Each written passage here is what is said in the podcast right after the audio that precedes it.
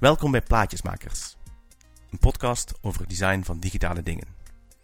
Ik ben Dien Jansen Ik ben Michiel Stam.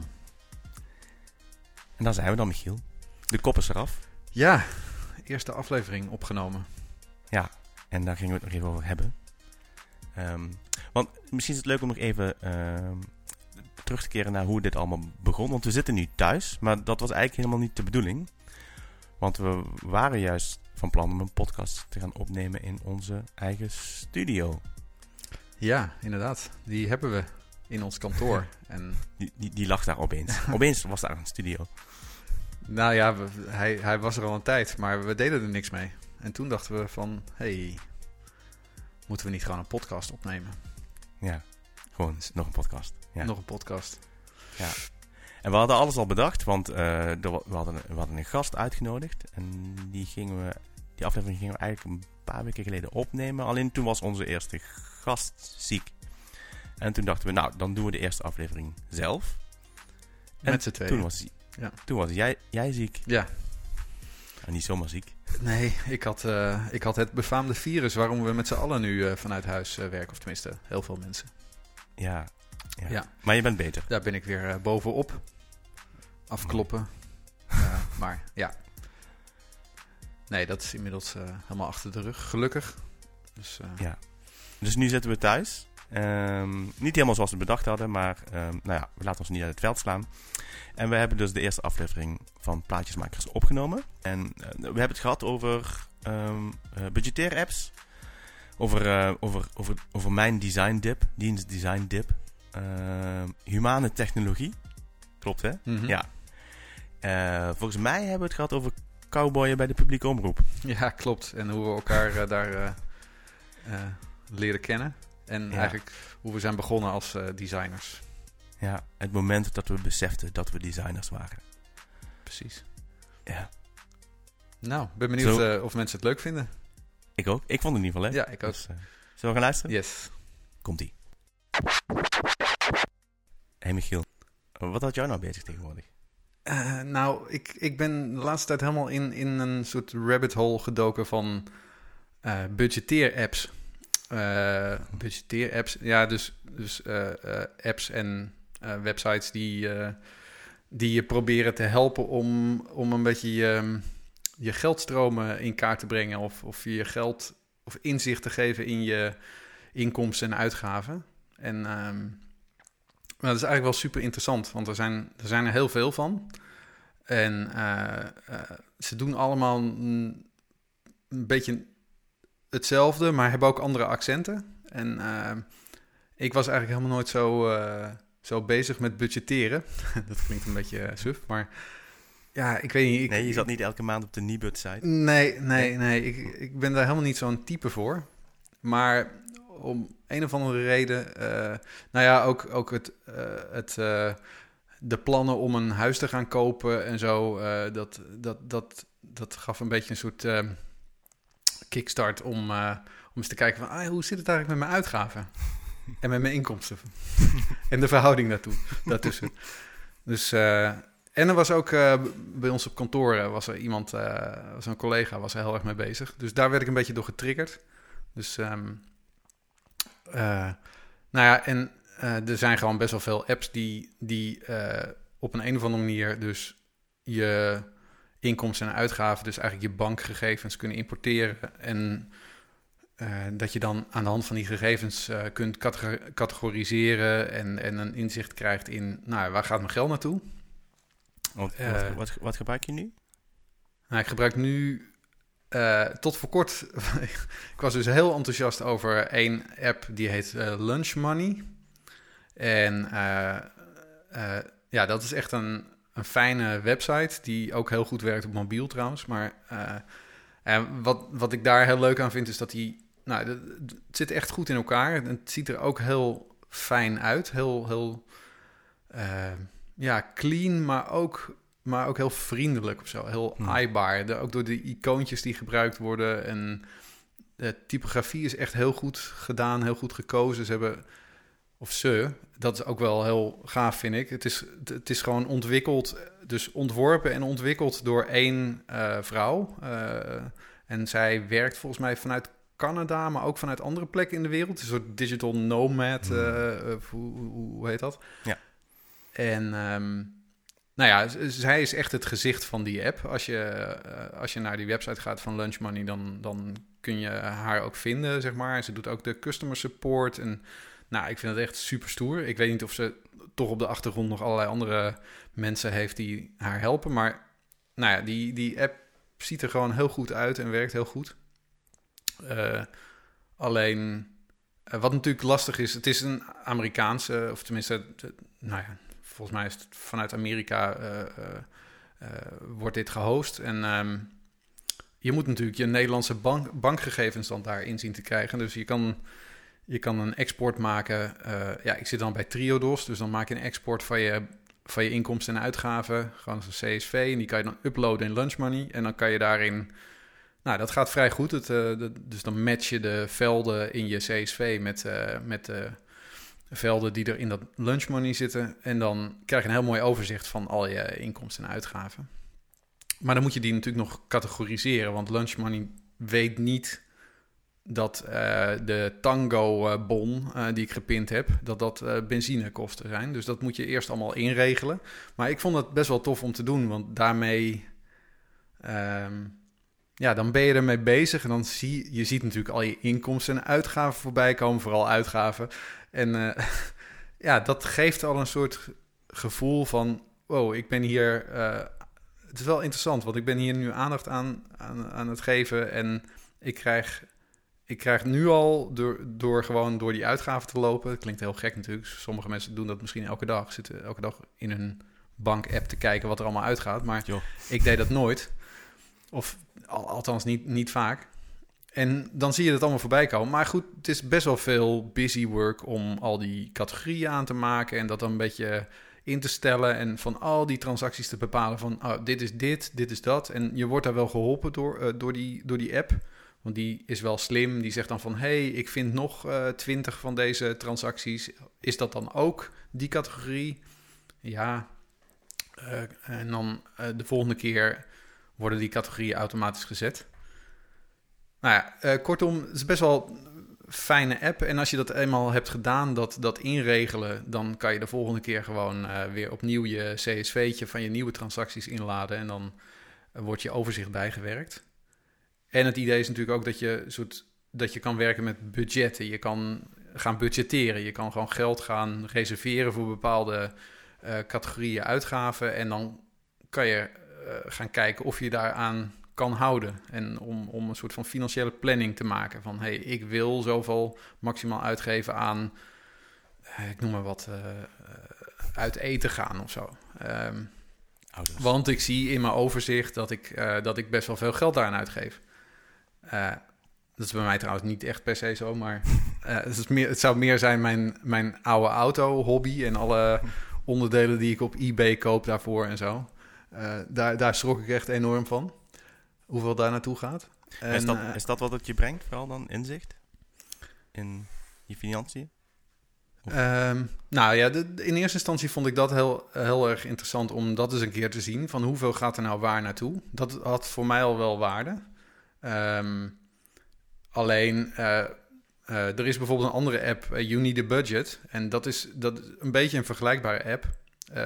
Moet je trouwens ook voor betalen, net zoals voor Lunch Money. Het is gewoon een, eh, ja, zeg maar een fee die je per jaar betaalt om die app te kunnen gebruiken. Maar dat Need a Budget zit heel erg op ja, het is allemaal leuk, die overzichtjes van je inkomsten en je uitgaven en allemaal pie charts die je daarvan kan maken en dat inzicht wat je dan krijgt. Maar het gaat er juist om van wat ga je met je geld doen in de toekomst? Want je wil, je wil dat is hun ding, dat je elke dollar of elke euro aan het werk moet zetten voor jezelf. Eh, dus die, kijk, die proberen heel erg de nadruk te leggen op dat budgetteren. En dat je elke euro, zeg maar, een doel geeft. En dat is in dat lunch money is het wat vrijblijvender, zeg maar. Ik heb You Need a Budget ook niet echt heel lang geprobeerd.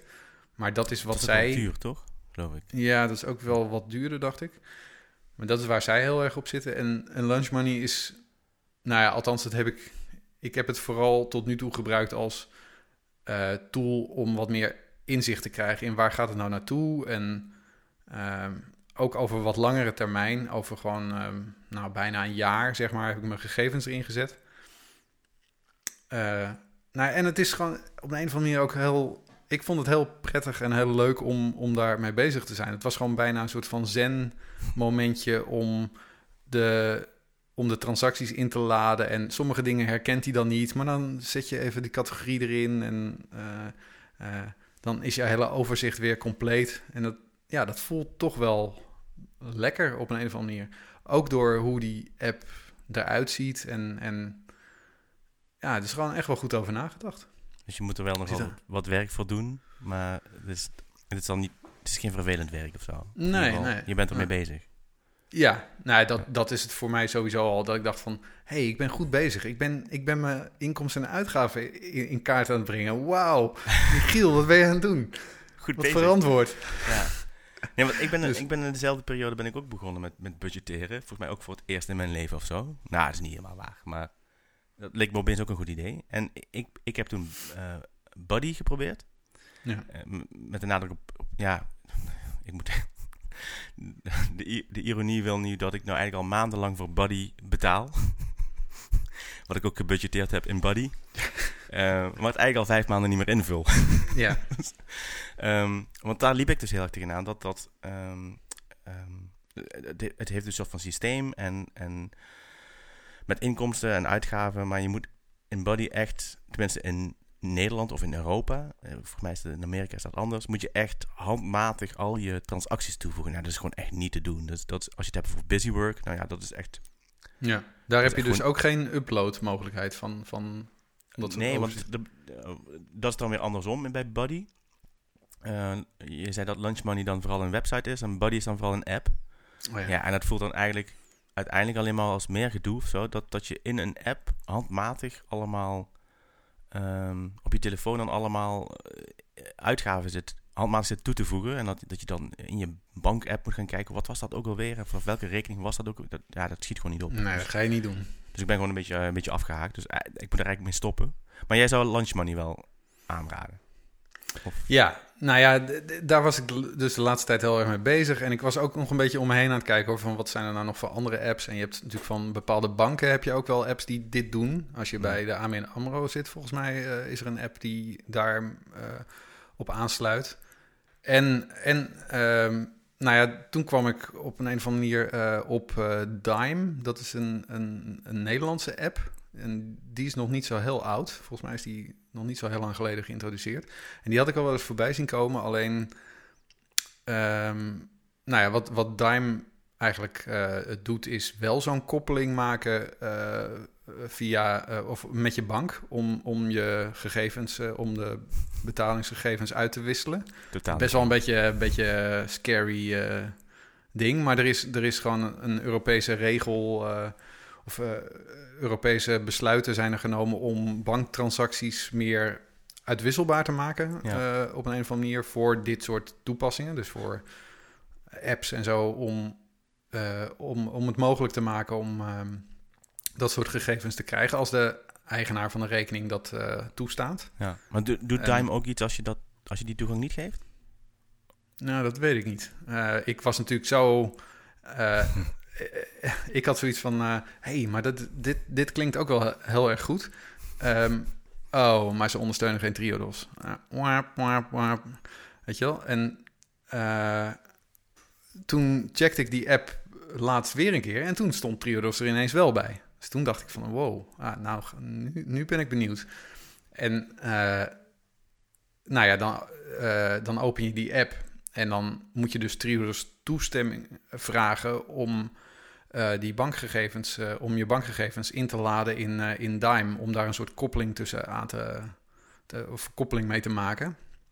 Dus dan zit je in die app en dan ga je naar een soort heel raar browser schermpje met je inlog van je Triodos bankrekening. Zo heel klein. Super legit. Je, ja, dus, dus dan denk je echt van, mm, oké, okay, wat ben ik nu aan het doen? Wat, wat gebeurt er eigenlijk met die gegevens? Ja, het zijn alleen maar je bankgegevens, Michiel.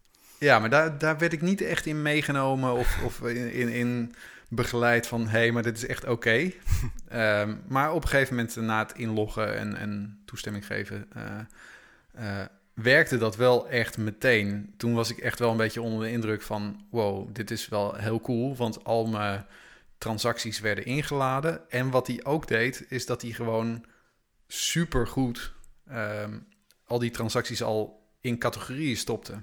Hm. En van een paar dingen eh, kon ik wel zeggen van ja, dat klopt niet helemaal. Maar zeg 95% van de transacties had hij al in goede categorieën eh, gezet. Ja. En wat, ik, wat ik heel cool vond, maar wat ik ook een beetje eng vond van hoe, hoe weten ze dit nou? Want ehm, natuurlijk kan je er allerlei uh, algoritmes op loslaten, maar hoe hebben ze die logica? Uh, helpen mijn bankgegevens mee om het algoritme beter te maken? En wordt dat dan geanonimiseerd of zo? Of hoe, hoe werkt dit? Hmm. In ieder geval was ik ervan onder de indruk hoe, hoe, hoe goed dat werkte. En hoe veel gedoe het dus ook wel scheelt om niet al die dingen meer automatisch in te, of, uh, te moeten uploaden, die CSV'tjes. En nou ja, wat, wat zij zij zitten niet zozeer op dat overzicht bieden. Want het is ook in een app heb je dat overzicht ook wat minder goed op een of andere manier. Mm. Uh, bij Lunch Money ga je naar de website en als je dat op een desktop doet, dan heb je gewoon wat meer ruimte. Dus dan kan je gewoon wat meer informatie in één oogopslag zien. En in zo'n app is het toch een beetje, is het iets ja, gefragmenteerder. Um, maar dat is ook niet echt wat zij, wat, waar, waar zij uh, op focussen. Want ze focussen op het idee van hey, uh, we geven jou inzicht in je inkomsten en uitgaven, maar we proberen je ook te laten besparen. Want we kunnen detecteren in je uitgaven wat abonnementen zijn of terugkerende uitgaven. En dan gaan we je helpen om daar bijvoorbeeld om abonnementen op te zeggen of om uh, abonnementen die je hebt goedkoper uh, te maken voor je, om korting te bedingen. Wat is helpen? Ja, dus dan, dan, dan zeggen ze in de app van... hey, uh, oh, je hebt uh, internet via Access for All. Uh, zullen we ah. proberen korting te bedingen? Het is, en het is geen betaalde dan... app. Het is... Je... Nou, ze hebben een gratis versie... waarbij je bijvoorbeeld die categorieën van, van uitgaven... kan je dan niet zelf bepalen. Dan hebben zij gewoon categorieën bedacht voor je... en daar komen je uitgaven in. En als je een abonnementje neemt, dan kun je die categorie bijvoorbeeld wel zelf beïnvloeden. En wat ik heel grappig vond trouwens bij dat, bij, want ze hebben dus een abonnementsmodel. Ze hebben een gratis versie die al echt wel best wel goed werkt. Die betaalde versie, uh, dan hebben ze twee verschillende soorten abonnementen. Dan hebben ze ook, als je dan zo'n abonnement kiest, hebben ze een regeltje van... Uh, uh, ik wil graag premium, maar ik kan het niet betalen. dat vond ik echt hilarisch. want wat blijkt nou, ze, ze, ze geven een gratis abonnement weg als... als um, als je inkomen gelijk is of onder het sociale minimum is. Ja. Dus gelijk aan het sociale minimum dat kunnen ze, of eronder. Dat kunnen zij natuurlijk zien of dat is. En dat kunnen ze zien. Dat vond ik echt... ik weet het niet hoor. Geniaal. um, nee, maar dat, dat ik weet het niet hoor, dat heb ik over uh, heb ik in, in, in zijn algemeenheid bij dat afstaan van die bankgegevens ja. en dat toestemming geven. Die, die toestemming kan je ook zo weer intrekken volgens mij, maar nou ja, ik vond het wel gaaf dat er nu ook zo'n Nederlandse app is uh, uh, die dit doet. En ze doen het best wel goed. Ik vind het, ik vind het. In eerste instantie is het homescreen ook een beetje rommelig met allerlei onderdelen. Maar, en je kunt ook zelf dat homescreen zelf uh, zeg maar opnieuw indelen. dat is misschien niet voor niets. Maar, maar het, ja, ik vond het echt indrukwekkend goed werken.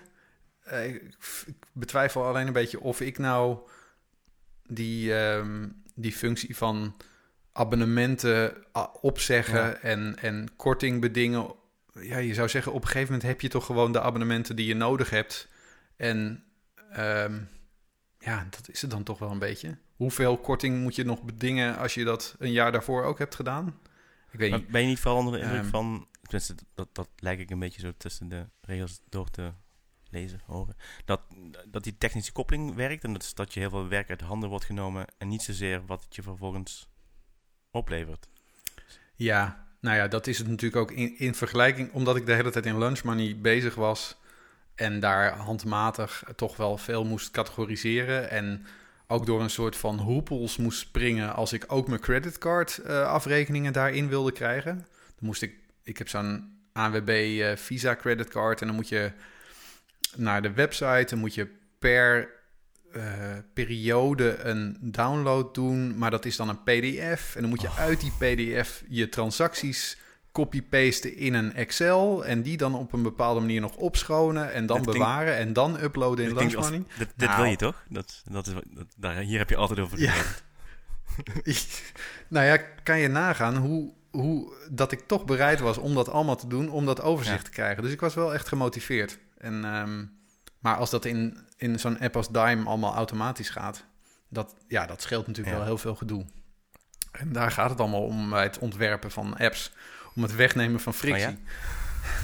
Oh nou ja, hier hebben we het natuurlijk wel eens over. Ik, ik vind niet per se altijd dat dat, dat, dat nou het, de- het ideaal is, zeg maar, om alles maar zo makkelijk mogelijk te maken. Ook al is dat natuurlijk wel wat je probeert als ontwerper, maar ehm, eh, ja, er zit altijd ook wel weer een keerzijde aan. Ehm, Ik kan nooit genoeg frictie en, ehm, mm, ja, nee, vind dat is niet waar. Maar Nee. ik vind het wel...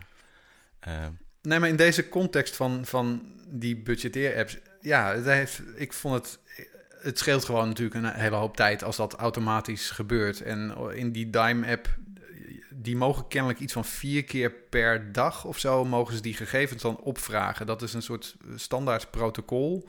En ze hebben toestemming van de Nederlandse bank om, om dat, dat heet PSD2, Pay- Payment Service Directive, eh, is dit een onderdeel van, die uitwisseling van die gegevens.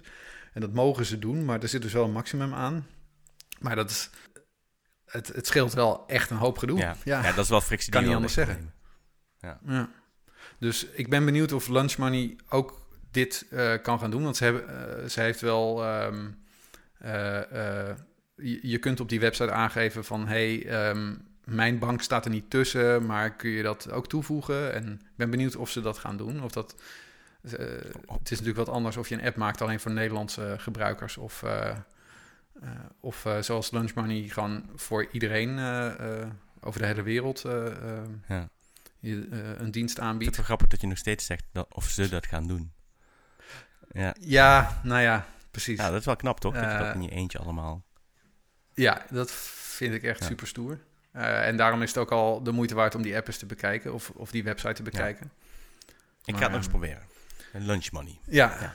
ja. Nou, wat ook nog wel grappig was trouwens over dat Dime. Want toen, toen ik een beetje over zat te kijken, te, te lezen en zo... eh, toen kwam ik ook op dat ze in... eh, ze hebben ook met zijn tv-programma meegedaan, dat Dragon's Den. Dus dat je je, je idee pitcht en dat er dan een stel, stel van die investeerders zitten. En natuurlijk een paar BN'ers. Ehm, eh, en die gast van Dime, die presenteerde daar dat idee. En er waren meteen twee van die, van die, van die eh, investeerders die, die wel eh, tegen een meerderheidsbelang Ja. een paar ton in dat idee wilden stoppen. Nou, het was wel grappig, zo van... Ja, en ik, ik, ik heb wel een miljoen e-mailadressen... en dan kunnen we samen, dan gaan we de wereld veroveren. Dat ik ook dacht van, dude, hier moet je geen ja op zeggen. En dat deed hij dus ook niet. Want hij ging naar achter, eh, of tenminste hij zei van... Ja, interessant, interessant. Ik eh, moet het er even over hebben met mijn collega's. maar het was natuurlijk wel stoer dat hij, eh, dat hij meteen in dat programma ook wel... Ja, een enthousiaste reactie kreeg. Want het is, het is, best, ja, het is best wel Ja. goed gedaan. Ik vind het echt wel gaaf om in de gaten te houden. Ik weet niet of ik het blijf gebruiken, maar... nou ja, dit was een beetje mijn, eh, mijn eh, eh, fascinatie van de laatste weken waar ik mee bezig was. Cool. qua apps en websites. Eh, ja, dus het is wel tof. Er, zijn, er is heel veel aanbod, maar en, en, en er zit toch ook nog best wel veel verschil in. Ik ben benieuwd of er ook andere partijen en banken dit soort dingen gaan doen. Want Ja. Ja. Het, het lijkt soms een beetje dat alsof iedereen een klein stukje van de puzzel heeft of zo. Maar dat, dat ja, het nog allemaal bij elkaar samen moet komen. ja, Ehm, ja. ja. Ja, dus, dus eh, ja, wie wordt de partij die het allemaal samen gaat brengen?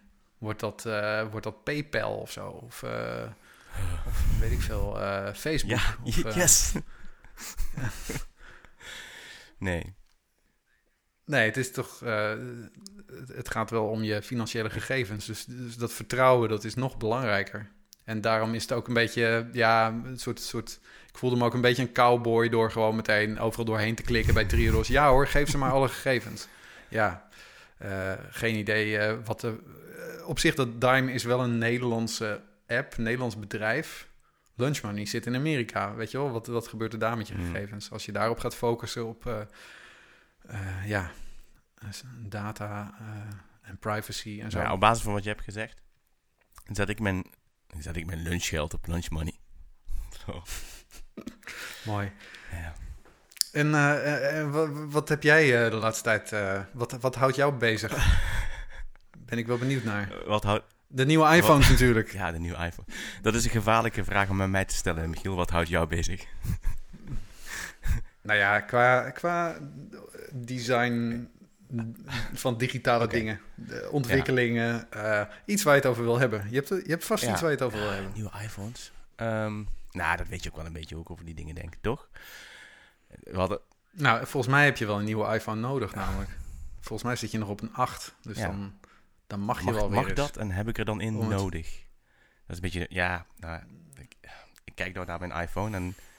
Nou ja, in principe eh, doet hij precies wat ik wil. Ehm, en... Nou ja, we hadden het er laatst nog een beetje over. Toen ook iOS 14. Zitten we nu op 14? Nou ja, dit Ja, zegt het al. ja. Eh, ik, pff, ik, ik, ehm, vroeger kon ik wel echt alles opzuigen van nieuwe features. En dan waren er nieuwe, zaten er nieuwe dingen in. Een nieuwe versie van iOS of Android. En dat vond ik dan helemaal fantastisch om dat dan uit te pluizen. En hoe zich dat dan verhield tot appontwikkeling. En volgens mij hebben we alle grote belangrijke dingen wel een beetje gehad of zo. Ik ben een beetje, ja, ik weet niet. Eh, Ik wil niet zeggen tech moe of zo, maar wel dat ik, dat ik me soms wel... Oké, wat houdt je bezig? Ehm, ik, ik zit een beetje in een soort van design dip of zo, of een design midlife crisis. Mhm. En Apple helpt je Apple daar helpt niet me uit. daar zeker Niet. uit. Nee, nee. Ik, ehm, ik heb het al wat langer dat ik ook gewoon niet echt zoveel enthousiasme voel voor al die nieuwe dingen die er dan gemaakt worden. En dat ik dan denk van ja, ik kan dat kopen en ik kan dat gaan gebruiken en ik kan daar mijn aandacht aan geven. Ehm, maar ik voel het niet zo. Ja, ja ik zat, Mhm. nou ja, die nieuwe iPhones zijn dan afgelopen week aangekondigd. Ik heb het nou ja, voorheen ging ik dat, nou ja, dit speelt al een paar jaar hoor. Dat ik gewoon eigenlijk ook die, die Ja. keynotes gewoon eigenlijk gewoon niet meer kijk. Dat ik gewoon na de rand wel een beetje lees wat het geworden is. Maar dat ik nou zelfs, Ja. nou volgens mij ging ik gisteren voor het eerst kijken, oh ja, nieuwe iPhones. En dat ik Ja. niet eens, Nou, dat was een paar jaar geleden ondenkbaar geweest. Dan, ja, eh, Maar ik, ik heb het idee dat het, dat het... Maar dat moet je maar corrigeren of, als het niet klopt. Volgens mij is, is, het, is het echt een soort... eh, ehm, heeft dat echt een vaart genomen? Zeg maar jouw... jouw eh, ik eh, weet je naartoe wil volgens mij. design dip, wat dat soort dingen betreft in ieder geval... toen Apple kwam met die iPhone 10 met die notch. Toen was je wel echt heel chagrijnig. En daarna is het gewoon eigenlijk niet meer goed gekomen. Weet je wel, als je, als je de lancering van steeds een nieuwe iPhone elk jaar... dat is natuurlijk echt zo'n cyclus waar de hele tijd weer... ehm, nou ja, een soort van heel veel dingen samenkomen die met design te maken hebben. Het is natuurlijk een hele eh, cultus. Eh, de iPhone is een super eh, iconisch apparaat... Wat, waar, waar design een hele belangrijke rol in heeft Mhm. gespeeld en nog steeds speelt. Er komt heel veel in samen. En toen kwam er ineens zo'n toestel waarvan jij zoiets had van... ja, gasten, wat zijn jullie nou aan het doen met zo'n, met zo'n hap uit het scherm? en wat een onzin. Ja, Had je vrij, vrij duidelijke ideeën over dat je dat toch niet echt een goed, goede ontwikkeling Nee. vond? En daarna is het een beetje... ja, nou ja, dat, dat, dat, dat zullen er al een beetje daarvoor hoor. Ook met de Apple Watch. En ik, ik heb het echt geprobeerd, maar ik, ik, ik weet gewoon niet zo goed wat ik met dat ding moet of zo. Hmm. Ehm, Die is wel echt verbeterd trouwens. Ja, klopt, Ten opzichte van die allereerste... Ja, eh, ik liep versie. gewoon al bij de Apple Watch aan. ik ben een horlogedrager en ik liep gewoon al aan tegen het feit dat als ik gewoon op de bank lig in een hele rare, ja, dus een beetje een edge case, een, een super groot eerste wereldprobleem. Want dat je wil weten wat het, wat- Ja, hoe stel laat je voor je zou willen weten hoe laat het is. en dat ik dan eerst gewoon mijn, mijn arm gewoon echt in mijn gezichtsveld moet doen en dan mijn hand moet flikken. Zo, oh, nu kan ik zien hoe laat het is. Oké, het is nu vijf. Dus, ja, ik vond dat zo'n onzin. Dat vond ik Hmm. gewoon een achteruit, ja, vond ik gewoon een achteruitgang ten opzichte van mijn horloge. En ja, ik snap wel dat mensen dan denken van ja, lekker boeiend. Een Apple Watch gaat toch om veel meer dan de tijd. Maar voor mij om een horloge af te doen, om daar vervolgens een een of ander apparaat voor in de plaats te doen, die sowieso al minder goed is in het aangeven van de tijd. Waar Apple dan ook van zei van, ja, deze Apple Watch is heel goed in het aangeven van de tijd, want de tijd klopt altijd. Ja, als het Ja. scherm aanstaat. Weet je, het, ja, ik snap alle keuzes die gemaakt zijn waarom dat zo was, maar...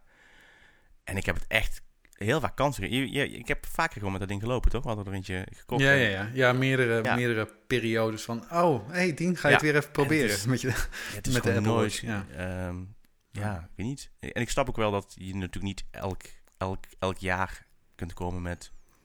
Het is niet cynisch of zo. Het is niet zo dat ik denk van. Ja, dan moet de, Apple is de magie kwijt, want de iPhone dat was de laatste echte eh, innovatie. Ehm, maar het is, en nee, het is gewoon echt een, meer een persoonlijk ding. Dat het, je minder boeit minder of zo en het is, ik moment. vind het allemaal wat meer. Ja, dat kun je ook maken. En dat kun je ook kopen en gebruiken. En dat brengt je vast iets. Maar op de een of andere manier brengt het mij dan niet genoeg of zo. Hm. Maar hoe, hoe relateer je dat dan aan zeg maar, je werk als designer? Wat, eh, he- heb je daar dan ook een soort dip in van... ehm, of een soort existentiële crisis van... van Nou. wat, eh, wat moet, want dat is ook niet zo. Want je bent gewoon eh, nog bezig met projecten en, en Ja. designs aan het maken. Dus in, in je dagelijkse werk heb je dat niet Nee. echt, denk ik. Het is meer gewoon het... eh, eh, ehm, de mate waarin je daar helemaal eh induikt of, of in onderdompelt in, in ehm, weer een nieuwe iPhone. We zitten nu op eh 12, ja, eh, dat soort dingen. Dat dat er een beetje, de nieuwigheid daar een beetje vanaf Ehm, is. Of zo. ja, nou ja. ja. Ik, ik design wel een stuk minder dan ik vroeger deed. Ehm, denk ik, nu. Er zijn wel ook Hmm. andere dingen waar ik me nou mee bezig hou. Maar ja, ik weet niet. Misschien komt het ook wel omdat we toevallig de afgelopen periode niet zo heel veel apps meer hebben gedaan. Maar ehm, ja, voorheen kon het dan, weet je, dan was er een nieuwe iOS-versie of zo. En zeker nu, want er zijn allemaal nieuwe schermgroottes aangekondigd. Ik, ik heb geen, ik- dan wist ik precies van, oh, je hebt dit scherm en dat heeft deze resolutie en dat betekent dit voor de optimalisatie van het scherm eh, op deze manier. En Ja. eh, nog een scherm om mee rekening te houden, joepie. En, en dat is bij de notch wel echt gewoon dat ik... Ik weet nog dat we designs maakten waar we dan rekening moesten houden met de notch in landscape. Oh, ik was, ik was Ja. Dat Ik dacht van, wat is dit voor een onzin? Wat, waarom zit ik nou, een, nou waarom zit ik hier een, een oplossing te bedenken? Waarom zit ik mijn hoofd te breken over een puzzel die ik moet oplossen omdat Apple zo'n zo'n stomme notch in mijn scherm plemt. Ja, niet mijn scherm, maar het scherm van allemaal mensen plemt. En nou ja, ik heb Mhm. niet meer zulke sterke gevoel. Ja, dat is niet waar. De notch. Ugh. Nou ja, oké. Even terug in de tijd. Het- Nou, en eh, er waren ook allemaal van... Daar is Apple natuurlijk wel goed in om dan in de guidelines daar, dat wel helemaal recht Ja, eh, ja. te lullen, zeg maar. Ja. Als je gaat kijken van, ja, maar hoe, hoe bedoelen ze het nou? En, en wat zijn de regels?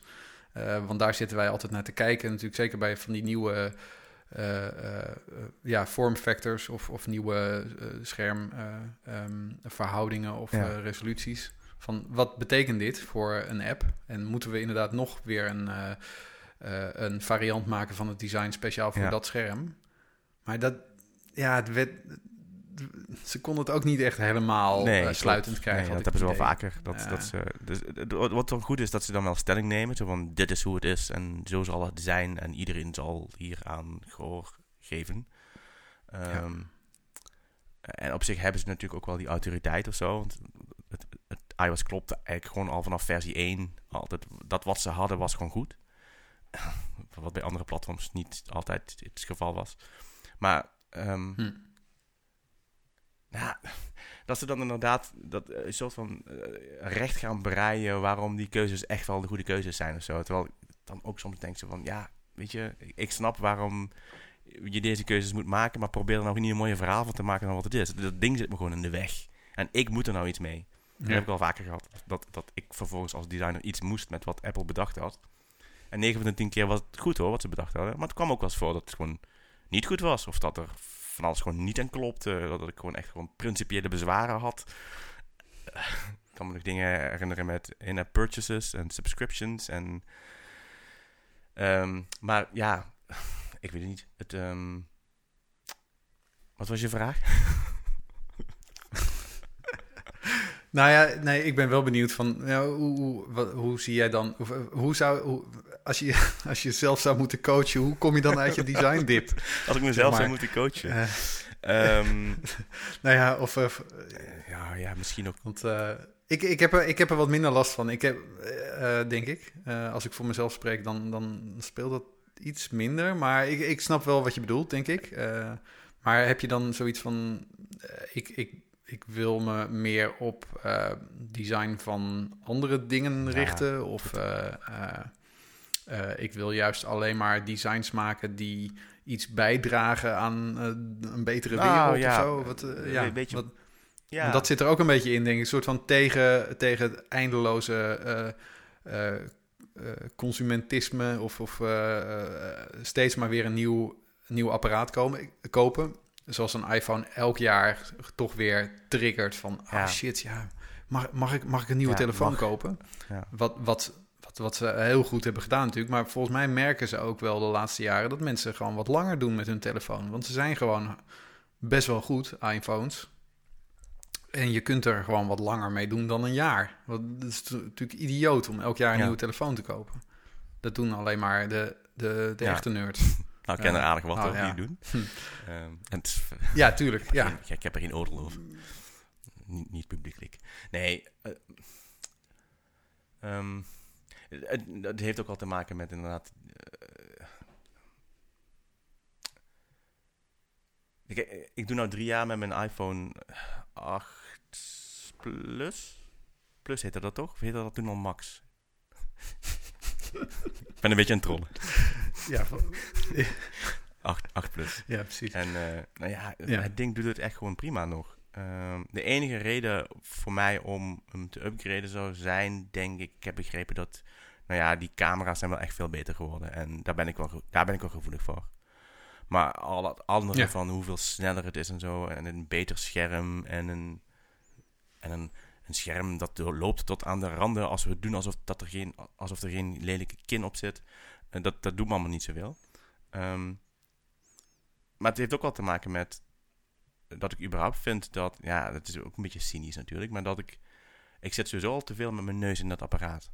Of in andere apparaten. Mhm. En, en ehm, dan ga ik en een nieuw ding kopen, waardoor ik nog meer erin ga zitten. Terwijl dat andere ding dat ik al had eigenlijk gewoon prima volstaat. eh, om mijn tijd mee te voldoen, zeg maar. Ik ken heel veel mensen die dan elke, Ja. eh, elk jaar of elk twee jaar dan een nieuw, nieuw, nieuwste, het nieuwste toestel hebben, maar die tegelijkertijd bezig zijn met het ding zo weinig mogelijk gebruiken. Ja, ik vind dat, ik vind dat Ja. ja, ik doe het zelf ook. Maar dat, ja, ik, ik vind dat moeilijk met elkaar te rijmen of zo. Dat dat... Ja. Nou ja, wat natuurlijk wel zo is, dat zo'n nieuwe telefoon is natuurlijk... Die heeft weer een super vette nieuwe processor en die is wel sneller. Dus je, je, je, je hoeft minder tijd eh, met je, met je Ja, telefoon dat klinkt- dat klinkt je leuk gewoon dingen in sneller doet. Nee, dat is bullshit natuurlijk, maar ja. Ja. Nee, ik snap wel wat je bedoelt. Het, is, het, is, het, het staat een beetje met elkaar... eh, eh, het is een beetje op gespannen voet. Ehm, een nieuwe telefoon en tegelijkertijd proberen om die telefoon Ja. wat minder te gebruiken. En daar wel dan even gewoon 1200 euro Ja. tegenaan klappen. Ja, want ik heb het Ehm, nodig. ja. Of zo. Ja. Nou, het is ja, wel grappig. Ik moet ineens denken aan dat ik dus een tijdje geleden eh, jou... Want jij hebt ook een tijdje geleden nog eh, eh, bijvoorbeeld... volgens mij dat je dat dan een week... dat je gewoon geen mobiele telefoon Ja. gebruikte. Of in ieder geval Ja. geen smartphone. En dan liep je rond met een... of helemaal zonder telefoon... of met een soort van Nokia, Nokia 3310 of zo. ja. Ja, ja. En eh, nou, dat heb ik een... Nou, dat is alweer een half jaar geleden of zo. Heb ik dat ook een, een tijdje geprobeerd. Maar ik kon daar gewoon toch niet mee uit de voeten. Ik, eh, ik werd al helemaal gek van dat T9-toetsenbord. Eh, want ik had er wel eentje waarmee ik kon whatsappen, maar dat, dat, dat, dat wilde echt niet. Dus toen dacht ik van, nou ja, sorry. Ik, ik, het, is, het is een nobel streven, Ja. maar ik, ik, ik- ja, tot Ja. hier en niet Ja, ik verder. vond het een heerlijke week die, die ik toen had. Dat, dat was niet altijd zo. Ik weet nog dat ik... toen ik zeg maar via mijn... Ja, dat, ik had niet alleen mijn telefoon niet. Ik, ik, ik wilde sowieso eigenlijk gewoon geen scherm gebruiken. Dus ik keek ook geen televisie en ik gebruikte ook geen spelcomputer en eh, smartphone, iPhone, eh, iPad, dat, allemaal niet. De enige uitzondering die ik maakte was dat ik een computer mocht gebruiken voor mijn werk. Want ja, anders kan ik gewoon mijn werk niet doen. Ehm, Ja. maar, maar dat ik gewoon ergens... Ik, wat moest ik, ging ik ook doen? Oh ja, ik, ging mijn, eh, ik liet mijn tent repareren ergens in Uden. En dan moest ik van een Uden rijden. Echt ergens op een industrieterrein met, ja, weet ik veel, eh, tweede straat rechts en dan de derde straat linksaf en Immigrade Aus. En ja, dat ik gewoon... Ja, ik, Ja, hoe ja, ga je precies, dat doen ik- zonder nou ja, smartphone? en zonder ja. ik ben al niet zo echt een goede. eh, nou ja, ik, ik, ik, ik rij altijd op de, op, op de navigatie. Ik, ik weet niet, ik bedoel, ik heb mijn rijbewijs pas een paar jaar geleden gehaald. Dus ik weet niet beter dan dat ik op de navigatie rijd. Maar eh, ja, ik moest dus echt gewoon zo van de route gaan plannen. En dan, ik heb het uitgeprint. En, eh, en, en heb van tevoren echt gewoon zitten scannen van... oké, dan moet ik dan daar... oké, nou ja, de, de grote lijn op de oude snelweg, dat, dat, dat lukt me wel. Maar dan gewoon het laatste stuk, dan ga ik gewoon even stoppen... en dan ga ik daar kijken hoe ik dan moet rijden. Ja, dat heb ik gedaan. En ik, ik, ik kwam er uiteindelijk met een beetje een detour... maar uiteindelijk kwam ik daar. En ook de terugweg was wat te doen. Maar die week zelf heb ik echt...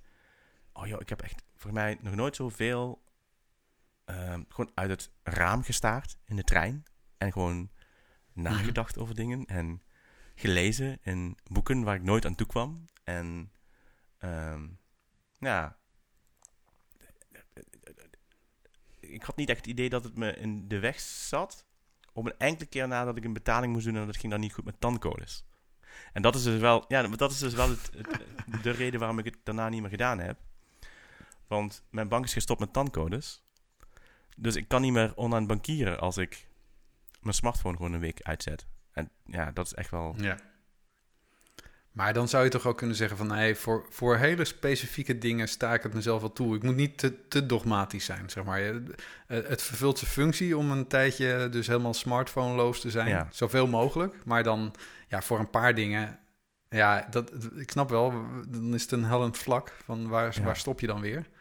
Maar, ehm, want waarom zou je dan niet langer eh, doen? Waarom dan maar een week of zo? Ja, goede vraag. Nou ja, het, het biedt natuurlijk ook eh, heel veel ehm, ja, gemak. Ja, En dat is toch iets waar je, waar je heel erg weer naartoe getrokken wordt.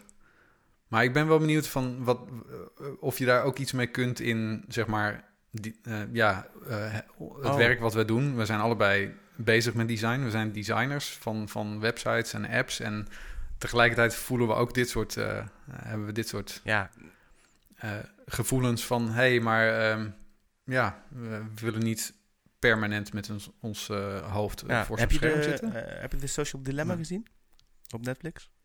Eh, nou, hij is een beetje, hij, nee, hij nog is niet. een beetje Nee. typisch hoor. Eh, Want- hij is een beetje dystopisch. Maar Maar gaat die hier ja, ook over? Die gaat, Oh, die gaat over, vooral over social media. Maar goed, dat is natuurlijk wel heel erg gelinkt aan eh, de smartphone.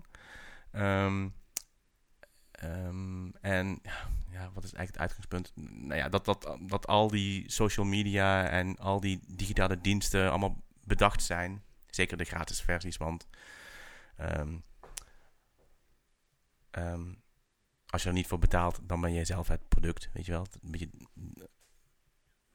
maar ja, die, die- dat ja, zinnetje kennen we dat, allemaal. wel, ja. het, het is heel cynisch. Nou ja, dat is, het is allemaal gewoon waar wat ze zeggen. Ze laten eigenlijk heel veel ehm, eh, mensen aan het woord die gewerkt hebben bij Pinterest en bij Facebook en bij Twitter en bij eh, YouTube. En die dus gewoon gewerkt hebben aan het ontwerp en de implementatie van al die platforms en alle keuzes die daar gemaakt zijn. En die nou eigenlijk gewoon terugkomen op eh, wat ze destijds bedacht hebben. En dan zeggen van ja, we hebben echt gewoon een soort van monster gecreëerd. En eh, we hebben niet helemaal door, tenminste de gemiddelde consument heeft niet helemaal door welke prijs hij wat daarvoor betaalt. Nou ja, daar kun je, van alles van vinden. ja. Ehm, en in de, de vorm is af en toe een beetje flauw of zo. In de social dilemma. Het is, ehm, maar ja, er zit natuurlijk wel een gigantische kern van waarheid in.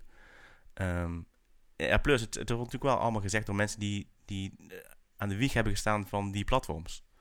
Eh, Ja, want wat zijn het dan voor, voor mensen van YouTube en ja, dus, eh, dus Instagram gewoon... en zo die aan het woord komen? Zijn dat dan ook Ja. bijvoorbeeld designers of, of zijn het eh, product designers die dus echt hebben nagedacht over hoe kunnen we mensen zo lang mogelijk eh, in onze app houden of Ja, zorgen dat, en het- dat ze dat... dat ze niet afhaken, zeg maar, dat ze, dat ze gevoed Ja. worden met Ja, en dat is, dat is eh, altijd met... eh, met ik heb in mijn boekenkast staat ehm Hooked. Ik weet niet of je dat kent. Dat heb ik, eh, nou ja, nog niet zo heel erg lang geleden. Wanneer was dat? Dat zal een jaar of vijf geleden zijn geweest. mhm. ik, ken, ik, ik heb er wel van gehoord, Ja, nou ja, ik heb het niet is- gelezen. Ehm, dat, is een boek dat ik nou een beetje, een beetje naar achter heb geschoven in mijn boekenkast. Van, eh, wa- waarom heb ik dat ook weer gekocht toen? Maar dat gaat eigenlijk precies over, over dit principe. Dat je, hoe, hoe hou je mensen zoveel mogelijk binnen je eh, eh, applicatie of je dienst of je software. zodat ze zoveel mogelijk tijd daarmee spenderen. En dat, dat, dat kun je natuurlijk op een positieve manier uitleggen. Zo van, want kijk, als je, als je Facebook bent en je zegt van... Ja, wat, wat wij doen, onze missie... Wij brengen mensen met elkaar in contact. Natuurlijk wil je daar zo lang Ja. mogelijk in zitten. Want als je, als je bij Facebook contact legt met andere mensen... Dan, dan zijn we toch met iets goeds. Dat is toch alleen maar Dat is goed? toch alleen maar Als je er op die manier naar Ja. kijkt... Dan, dan heb je niet het idee dat je iets slechts aan het doen bent. Ehm, maar er is een andere manier om daarnaar te kijken natuurlijk. En ja, die is wat cynischer. Ehm, nee, dat is een paar... Ja, Nou, dat, dat, dan, dan, da- daar komt toch wel weer ook in terug dat, dat het toch wel weer dat het gratis is. En als je bijvoorbeeld eh, zo'n zo'n app als eh, Duolingo of zo, dus om Ja. een taal te leren, eh, want daar is volgens mij een heb je een gratis versie, maar als je daar echt serieus in wil duiken in zo'n taal, dan moet je ook in die app betalen. Volgens mij kun je best wel veel gratis in die app. Tenminste, dat was altijd al wel het uitgangspunt van, van Ja, Duolingo. Maar in ieder geval, dat voelt dan alweer meer als een, als een ehm, beter te, ehm, eh, eh, te verdedigen eh, principe om, om daarin te zorgen dat mensen zo lang mogelijk in die app blijven om die taal te leren. Dat voelt een sympathiekere prikkel die je inbouwt in zo'n app dan eh, ehm, Ja, bij YouTube het algoritme zo tweaken dat je steeds meer eh, dingen ziet die passen bij wat je toch al tof ja, het vindt. stomt ook een en beetje af. hè? daar de, de, de extremere varianten van, van aanbiedt aan je. Er zijn natuurlijk ook allerlei slechte voorbeelden van, van hoe, hoe dat Ja. in YouTube werkt. Maar eh, nou, ik vind het wel interessant. eh, ja. Het is eigenlijk een soort ethisch dilemma Ja. wat je hebt van... hey, ga ik hier, ga ik hier eh, op optimaliseren? Ook in het ontwerp van een app of van een website om... eh, het gaat natuurlijk wat verder dan, dan, dan een enkele individuele designer eh, bij zo'n groot bedrijf. die Ja. maakt niet zo'n beslissing, die Ja. zit gewoon in een team. Ehm, maar ja, als je zelf begint met het bouwen van een app of zo... dan kun je daar natuurlijk wel meer invloed op uitoefenen.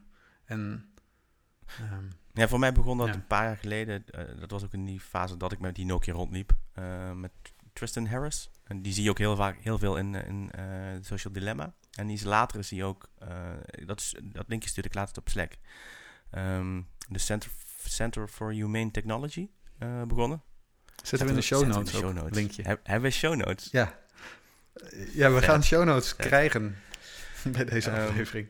Ga, ga, ga- gaan we Ja, toevoegen? Gaat dat niet automatisch? Is dat... Nee, hè? Nee. Nee, Ehm, volgens mij niet. Moeten mooi, we zelf doen. frictie. Ehm, ehm, wat was mijn punt nu? Ehm, Sorry, ik eh, onderbrak je weer eens. Die zat ook in de nee, social dat, dilemma. ehm, ehm, hij, Ja. hij, voor mij komt hij bij Google vandaan. Ehm, en hij liep steeds vaker tegen... Voor mij heeft hij bij Gmail gewerkt. En... eh, ehm, nou, sowieso bij Gmail. En dat hij steeds meer er tegenaan liep. Van, ja, waarom... Hoe kan het nou dat... Dat wij eh, aan het werken zijn aan diensten... ehm, die mensen zoveel mogelijk moeten vasthouden. Terwijl ik zelf eigenlijk steeds meer merk dat ik ze zo weinig mogelijk buiten mijn werk wil gebruiken. Dat had een, zo, hij had een soort van... eh, Dat klopt niet bij elkaar. En toen... Ja, een soort paradox. Paradox. En toen, toen heeft hij dat eh, kenbaar gemaakt binnen zijn team.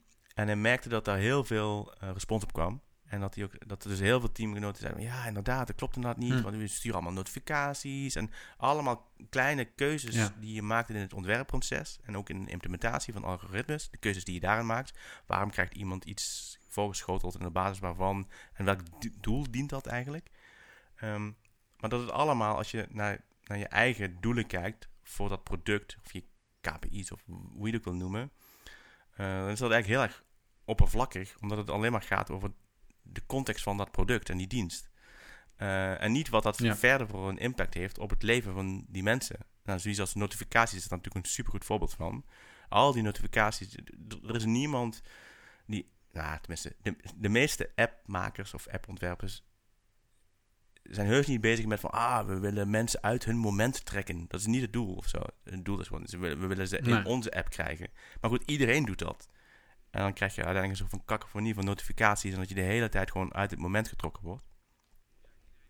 Ja, iedereen probeert, eh, iedereen bedoelt het vanuit zijn eigen product gezien goed. geval, ja. ja. Want ja, ja, want natuurlijk, eh, ja, je gebruikt onze app, dus dan wil je toch, nou ja, je kunt dat natuurlijk aan alle kanten instellen tegenwoordig, maar eh, tenminste tegenwoordig, dat klinkt alsof Ja. het vroeger anders was, maar je, je kunt daar invloed op uitoefenen, maar heel veel mensen doen dat natuurlijk niet, Of die, die Nee. laten dat gewoon komen, die notificaties, en dan, Ja, en het is ook een soort Ja. van continue, eh, continu gevecht voor aandacht natuurlijk. Ik bedoel, wij hebben, wij hebben zelf ook op die, in die positie gezeten dat wij ook moesten nadenken over notificaties. Hoe krijg je mensen in een app? En ik Ja. had sowieso al het idee dat wij sowieso al aan de conservatieve kant zaten. Maar dan nog ben je wel bezig met... Jij, jij gaat zelf niet zo snel degene zijn van... Oh ja, nee, maar wij moeten, wij moeten natuurlijk wel heel erg... ehm, eh, voorzichtig zijn met de tijd van mensen. Dus weet je wat, die notificaties doen we gewoon helemaal niet. Want, want dan kunnen mensen hun tijd nuttiger. Terwijl tegelijkertijd allemaal concurrentie en allemaal andere diensten die echt schreeuwen om ja, kom in mijn app en nee, je hebt, je hebt hier een notificatie. Ja, dat, eh, dat, dat ga je dan verliezen dan natuurlijk. Of in ieder geval, ja, het, het voelt heel raar om... Je, Ja, je moet mee, zo- ja, eigenlijk. je moet er niet mee, maar het, het, het is zo'n soort van... Het is de baseline of zo dat je dat doet. Of dat je dat... Nou ja, ja, ja, maar in ieder geval, de, de- de Center for of, of, of Humane Technology. Sowieso, ik vind dat wel een mooie term. Humane Technologist. Die die zijn daar nog heel erg mee bezig. Eh, ze proberen een soort van beweging te creëren om mensen zoals wij, eh, dus in het werkveld, ehm, eh, bij bureaus, bij start-ups, ehm, om die zover te krijgen dat ze daadwerkelijk iets gaan doen met het idee, ja, dat veel mensen natuurlijk wel delen. Van, ja, het is bizar hoeveel aandacht we eigenlijk, hoe ontzettend ehm, gemakkelijk we eigenlijk met onze tijd omgaan of zo. Weet je wel? Dat, dat we, we laten zo makkelijk ons Mhm. meeslepen en van, oh, dit vraagt onze aandacht, oh, dit vraagt... Dat, dat, dat is niet alleen maar bij, bij social media zo, maar ook gewoon überhaupt gewoon als je aan het werk bent en je e-mail en... Nou ja, en dat je daar gewoon... ehm, daar kun je mensen zelf verantwoordelijk voor maken. Ehm, eh, maar je kunt ook andere keuzes maken bij het ontwerpen en het ontwikkelen van je eigen producten en diensten. En ik denk dat daar, ja, ja. De, die, de, de designers hebben daar ook een bepaalde en, verantwoordelijkheid en in. dat kan op een bepaalde manier zelfs ook gewoon een, een, een unique selling point zijn voor de mensen die daar ook, eh, ook gevoelig voor zijn of die, die dat ook belangrijk vinden. Ehm, Ja. ja, aandacht. Nee, je- ik moet toch weer even... toch, omdat het nog zo vers is. Er zijn nieuwe iPhones. Die, er zijn nieuwe iPhones. Nee, maar ik moest ineens denken aan... eh, ik bedoel, zowel Apple als Google hebben natuurlijk wel... de, laatste jaren eh, dingen ingebouwd in hun OS'en... om in ieder geval... ze proberen daar Mhm. wel iets mee te doen. Met die screentime en zo. Om, om aan te geven van... kijk, zoveel tijd ben je bezig op die telefoon... en je kunt daar caps op zetten... dat, die, dat, die, dat je een bepaald aantal eh, minuten in een bepaalde app kan zitten per dag. Of eh, ik doe Ja. dat allemaal zelf niet. Ik kijk alleen wel eens naar dat report. En als het dan minder is dan vorige week, dan vind ik het alleen maar. eh, vind, ja, dan vind ik het goed. Ehm, maar dus de, de, de, de platform-eigenaren die zien dat kennelijk dus ook wel dat daar iets zit. Dat ze niet. Vind je dat een beetje te, te, te, Ja. ja, te weinig eh, impact hebben? Of te vrijblijvend? Want ik denk wel dat ze dat goed bedo- bedoelen. ja, jawel. Eh, alle, ah, eh, dat zal misschien ook opportunistisch zijn hoor. Dat, dat, eh, dat ze inspelen op een Ja. bepaald sentiment. En dat dit best wel simpel is voor ze om te doen. En ja, ze weten dat iedereen toch wel die telefoon in zijn zak heeft zitten en Ja. de hele tijd pakt. Maar, maar ik vond het wel, ik vond het op zich wel een. Het, het, eh, voor mij eh, gaf het me wel een positief gevoel over eh, ja, de verantwoordelijkheid die ze nemen daarin. Ja, dat ze er wel klopt, iets mee doen in ieder Ja. geval. Ehm, ja, ik vind het nog te weinig, denk ik. Maar eens, het is een... eh, Ja. ehm, het initiatief is goed, ja. Voor mij blijft het nog een beetje aan de oppervlakte of zo. Of vind ik dit... Ja, Android heb ik me dus eigenlijk gewoon al helemaal niet zo heel erg in verdiept... in wat zij daarin aanbieden. Maar bij iOS vind ik het... Ja... ehm, Nou, het is heel vrijblijvend en de ja, maar en als je het inschakelt is het... Ja. Ehm, ik zou het iets fijnmatiger willen of zo. Of het, is al, het is een beetje... Ja, misschien ben ik een beetje aan het zeuren. Misschien moet ik daar gewoon zelf wat meer energie in stoppen of zo. Ik weet niet, ik heb het wel eens aangezet en limieten ingesteld. En het blijft allemaal een beetje ro- rommelen of zo. Ik zou het misschien fijner vinden als er een soort... Hm. Ja, goed, en dat, dat is bijna een... eh, dan moet je dan niet gewoon geen smartphone hebben of zo. Ik, ik, zou- ik, ik- ja, ik zou Ja. iets van een... Je zou een hardere, Ja. een hardere eh, eh, het moet harder afgedwongen worden door de software om, om jou gewoon te stoppen. om, om die telefoon ja, nog denk ik verder te eigen, gebruiken. eigen verantwoordelijkheid. Want ik kan natuurlijk ook al die, al die apps eraf mikken. En ehm, ehm, ja, dat doe ik dan soms ook wel weer. En soms ook wel niet of zo. Maar ja, ik weet niet. Het, ehm, ja. Nou, leuk onderwerp, hè? Lekker vrolijk. Nou ja, het is wel, ik, ja, het is wel iets waar, waar, eh, waar heel veel mensen denk ik mee, mee, eh, eh, mee worstelen. Eh, tenminste, als ik om me heen kijk. En nou ja, dus ook iets als je, als je bezig bent met hoe werken die apps en hoe, hoe, eh, hoe zitten ze in elkaar. Eh, ja, daar, daar moet je dan toch Ja. iets mee, denk ik. Je neemt dat toch een beetje mee. Het, het staat natuurlijk op gespannen voet met eh, zoveel mogelijk downloads en engagement in je app. En geen churn hebben en zo, dat soort termen. Ehm, Ja. maar ja, ja, en toch, je zegt eh, heel veel mensen... we, we hebben een, Er is een bepaalde eh, ethische verantwoordelijkheid of zo. Of zo. Of zo. Vooral dat, vooral dat of zo. Dat geeft al aan dat het, eh, Ja. ja. dat het niet heel concreet is. Dat, het, dat je steeds per project moet kijken waar, dat, waar, die, Ja. waar die grens ligt of zo.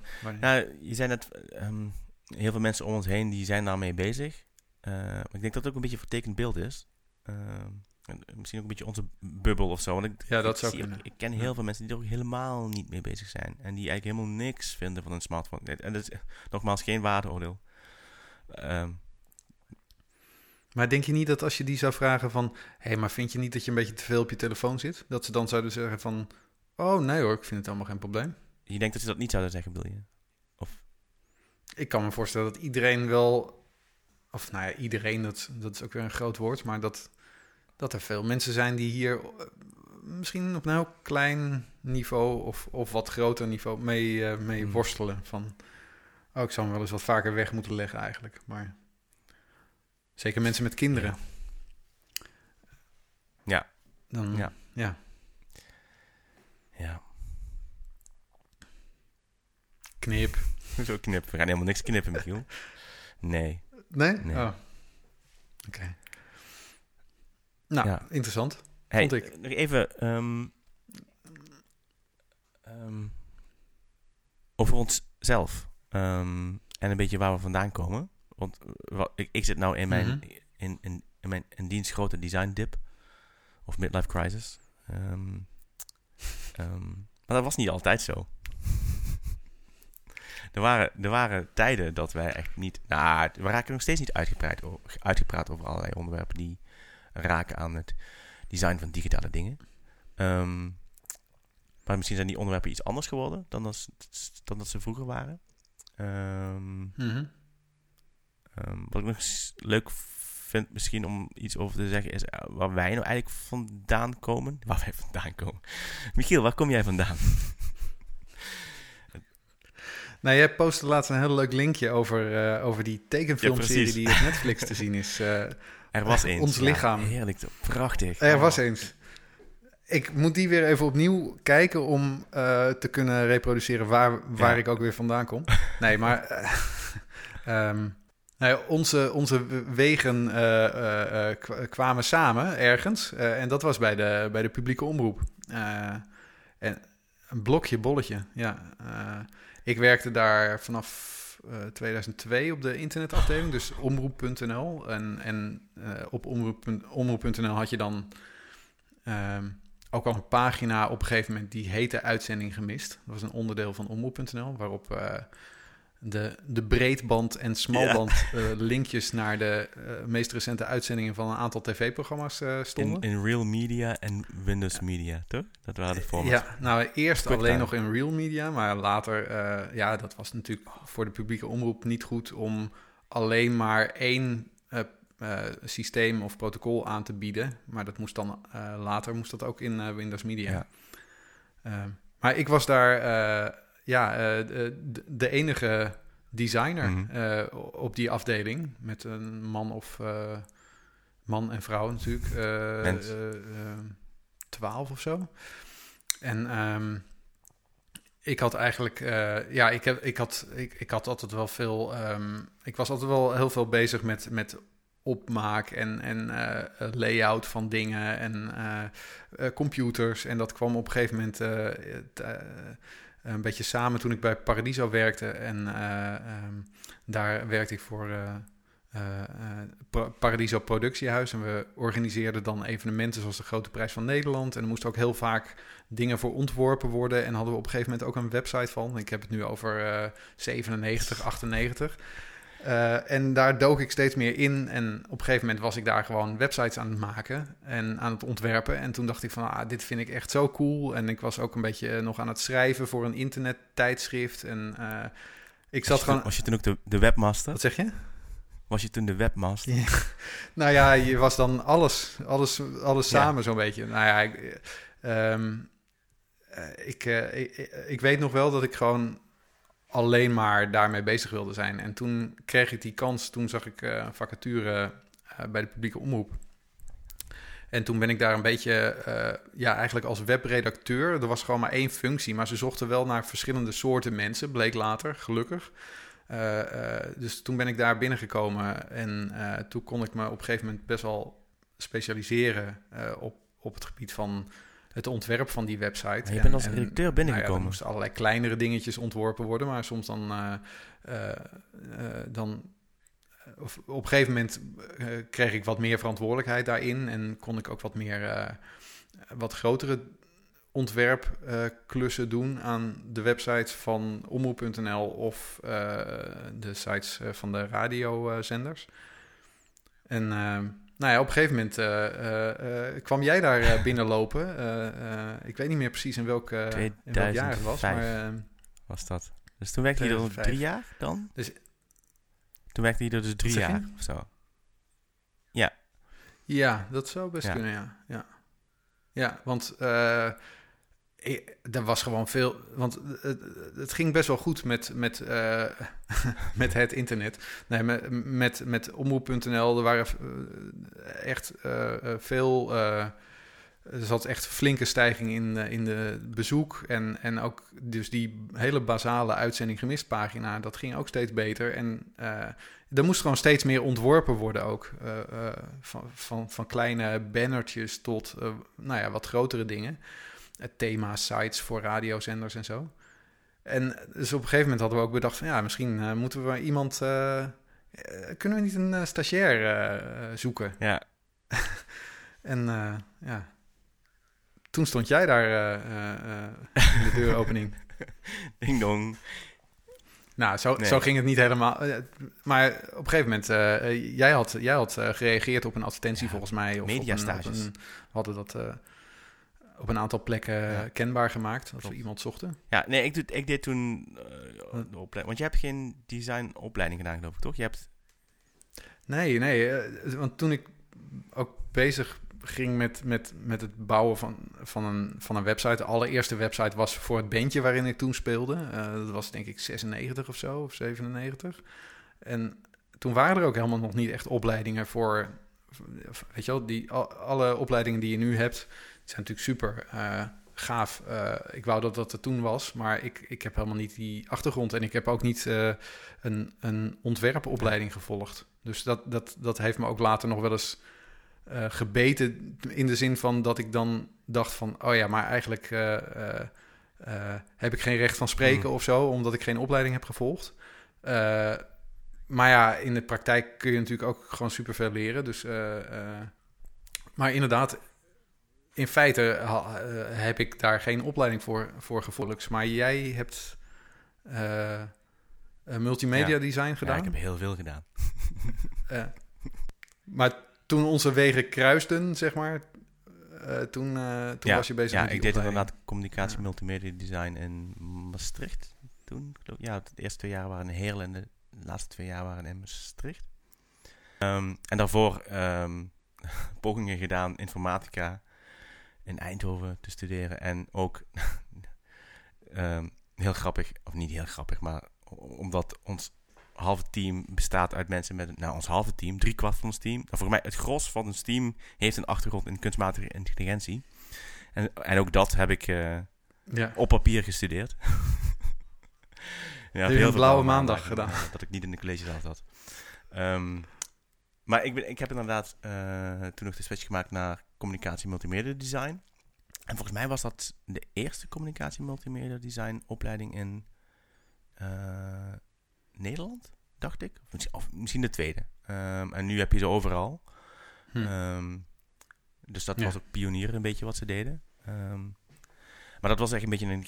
eh, Je werd opgeleid als generalist, zeiden ze ook altijd. Dus je moest wat van marketing weten en wat van communicatie en techniek, wat dan development was, en ook design en ook audio-video. Ik weet nog dat ik heb ook echt lessen gevolgd in hoe moet je audio editen en hoe moet je eh, eh, filmpjes maken en dat editen en fotografie en het was heel breed. Ehm,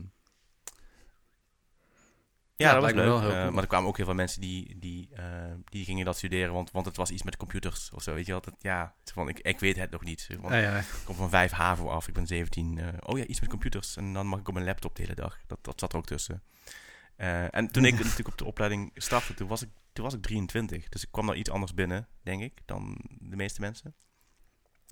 Maar ik heb wel toen... ehm, het was via een vriend, die was een jaar daarvoor begonnen. Die heeft ook eerst allemaal andere dingen gedaan. Ehm, en ik was wel altijd... eh, wij speelden samen in, eh, in een band. En ik was wel altijd bezig met websites maken voor al dan niet bestaande bands. ik, de, de website was altijd eerder af dan onze eerste, dan onze eerste nummers, zeg maar. Ehm, dus ik, Ja, ja, ik ja. vond het, eh, ik was voor mij, voor mij begon dat al wel een beetje zo eind jaren 90 en ook begin jaren 2000 dat ik dan ook niet alleen websites dat ik het leuk vond om daar gewoon een beetje in Photoshop in te, om in te pielen, maar ook om het vervolgens te bouwen. En toen weet ik nog dat ik helemaal into webstandaarden was en dat het allemaal toegankelijk was. En, ehm, en toen heb ik inderdaad in 2003 de keuze gemaakt om dan toch nog een tweede keer ehm, van studio, studie te wisselen. Dat was ook best een big deal, vond ik toen. En ehm, ja, beste keuze die ik op dat gebied ooit gemaakt heb, denk ik. Want ja, die studie heb ik wel gewoon afgerond. En ehm, het was wel nog even zoeken wat nou precies mijn rol was. En dat was het grappige wel bij mijn stage eh, in 2005. Ehm, toen zou ik eigenlijk bij FabChannel als... Nou, dat is heel grappig, want dit verhaal ken jij. Als, bij FabChannel zou ik eigenlijk een stage gaan doen als Flash Ja. developer. ja. Wauw. ja. Ja, action scripten. Action scripten. Eh, en dingen met 360 graden camera's. Super gaaf. FabChannel sowieso. Echt, oh. Zonder dat dat niet meer bestaat. ja, want mijn, mijn baas bij Ja. Paradiso was Justin, Ja. die Fabchannel is begonnen. En toen hij daarmee bezig was, toen ongeveer ben ik weggegaan eh, bij, bij eh, Maar goed, die stage ging op het allerlaatste moment niet door. En toen kon ik op het allerlaatste moment, vond ik via mediastages.nl nog een stage inderdaad bij de publieke omroep als vormgever. Ehm, en het, het grappige is wel, of het grappige, dat is wel eh, de periode geweest, dan, weet je, dan ga je voor het eerst echt lange weken en dagen draaien. En ik was helemaal kapot, weet ik nog, aan het einde van de dag. Ehm, maar dat ik erachter kwam van dat ik een, dat ik een designer was. eh, en niet een developer. Want dit, dat heeft al in mijn soort van. In mijn Je brein heeft Ja, dat een ik- ik- switch. eh, ik, ik heb omgezet. altijd wel ook een beetje richting development geneigd. Maar uiteindelijk vond ik programmeren niet leuk. dat klinkt dan heel erg stom of zo, maar ik, ik was wel heel erg van logica en... eh, ja, je bent eh, analytische Ja, designer, zeg maar. Of tenminste, dat, dat, dat analytische, dat, dat ontrafelen van een probleem, dat zit Ja, er bij jou maar tegelijkertijd heb ik ook in. altijd, heb ik eigenlijk wel heel erg lang gezegd dat ik mezelf niet zozeer heel creatief vind. En dat is ook niet helemaal waar ben ik nou eigenlijk gewoon de laatste jaren een beetje achtergekomen. Ehm, want voor een analytische designer kan ik dan ook wel weer me verliezen in gewoon het creatieve proces en dingen uitproberen. En ik sluit me wel eventjes op en dan kom ik met iets eruit of zo. En mm, nou ja, dat, dat is niet echt allemaal Ja. Analytisch en stapje voor stapje wat ik dat doe. Soms is het ook een, nou ja, zoveel, ja, Black box en dan komt beginnen en eh, iets vertrouwen dat, dat ja. de uitkomst wel een keer eruit komt rollen of zo. Ehm, maar toen, eh, jij was mijn stagebegeleider. Samen met, eh, met Michel. Ja. En ehm, ehm, ik weet nog dat ik, mijn eerste project was voor nachtvluchten. En ik, dat ik echt gewoon dagenlang op allemaal Photoshop filters, dat ik bezig was met een header zo mooi mogelijk te maken of zo. Nou ja, ik ben- Ja, dat Ja. was een website voor een Ja. radioprogramma. Die, eh, die, dat programma had nog geen nee, eigen nee. website, nee. volgens mij. En we hadden dan een systeem waarin we redelijk simpel, een soort van CMS, waarin we dan een, een website voor zo'n programma in elkaar konden zetten. Met hele beperkte mogelijkheden, maar we konden daar Ja. wel een ontwerp voor maken en dat dan ook vervolgens Ja. eh, werkend krijgen. Maar ik was er heel erg zoekende, Eh, weet ik nog. Dat ik van, dat, maar- dat, dat, ja, is het goed wat ik... Weet je wel, dat, dat, dat, dat die uitspraak je toch wel? Dat, dat als je een... hè, het is voor mij, voor veel meer, meer creatieve beroepen, dat, dat je... Wat je hebt is je, je goede smaak, of in ieder geval het weten wat goed is. Maar dan heb je nog zo'n... Voor mij is R11, zegt hij geloof ik, de gap noemt hij dat.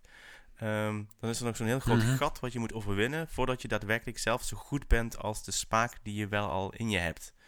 En dat, Die dat is bij heel veel creatieve processen. Beschrijven is dat zo, design net zo goed. Dus je, wel, je, hebt er echt, je kunt er oog voor hebben, maar zelf nog niet zo goed zijn om dat te reproduceren. En dat, dat, dat krijg je pas met Ja. ja. gewoon heel veel uren maken. En met die stage heb ik gewoon heel veel uren gemaakt. En toen kreeg ik een soort van, nou, een beetje het Ja. vertrouwen van, nee, ik ben hier eigenlijk gewoon wel goed in. Of hier, hier kan ik goed in worden, zoiets. En toen heb ik nog de Serious Request site, weet ik nog. Die, eh, ja, Ja, een van de eerste edities van Ja. Serious Request Ja. op Ja, dat 3FM. vond ik heel cool. Nou, ik weet nog wel, ik weet nog wel wat echt jouw eerste project was.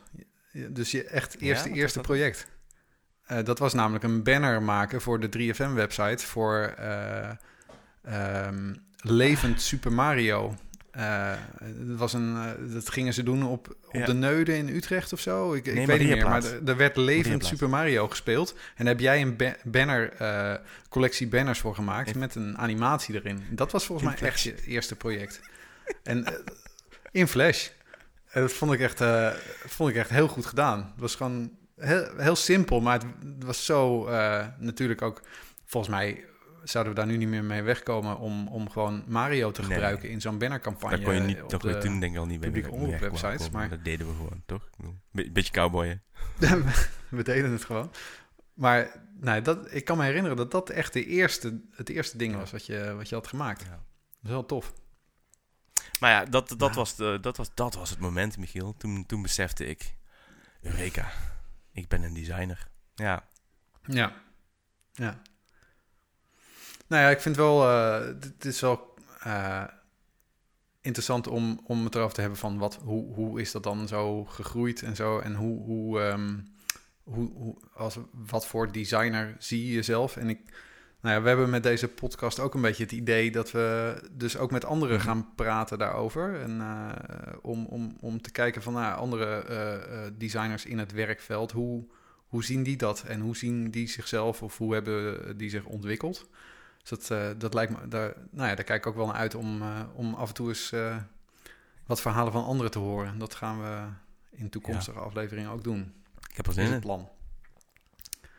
Ja, Hey, ik ook. en dan moeten we nou natuurlijk ook onze, onze podcast pluggen, toch? En, en, en zeggen waar ze meer over ons kunnen Ja, lezen op al die social media, waar we zo ontzettend fan van zijn. ja. Super professioneel dat we dat op deze manier ook doen. Heb je vragen of opmerkingen, dan, eh, kun je ons mailen. Uh, naar het e-mailadres dat we nog even gaan aanmaken. Maar tegen de tijd dat de podcast in de lucht is, dan, dan kun je ons daarop e-mailen. Dat is plaatjesmakers.hero.nl. Dat zullen we ook wel even in de, in de show notes zetten. Want die hebben we. En als je tot dit punt bent gekomen, dan vind je het misschien ook leuk om meer van ons te zien of te lezen. Um, dan vind je ons op, uh, op, op, Instagram. We zullen de linkjes ook nog wel even in de show notes zetten. Wat moeten we dan nog meer zeggen, Michiel? Ja, abonneer op onze podcast. Dat kan in alle, in alle podcasts en alle platforms waar jij je podcast vandaan haalt. Dan weet je zelf al waar je moet wezen, toch? Plaatjes maken. Maar je bent al geabonneerd nu, want je bent aan het luisteren. En tot de volgende keer. Doei. Doei.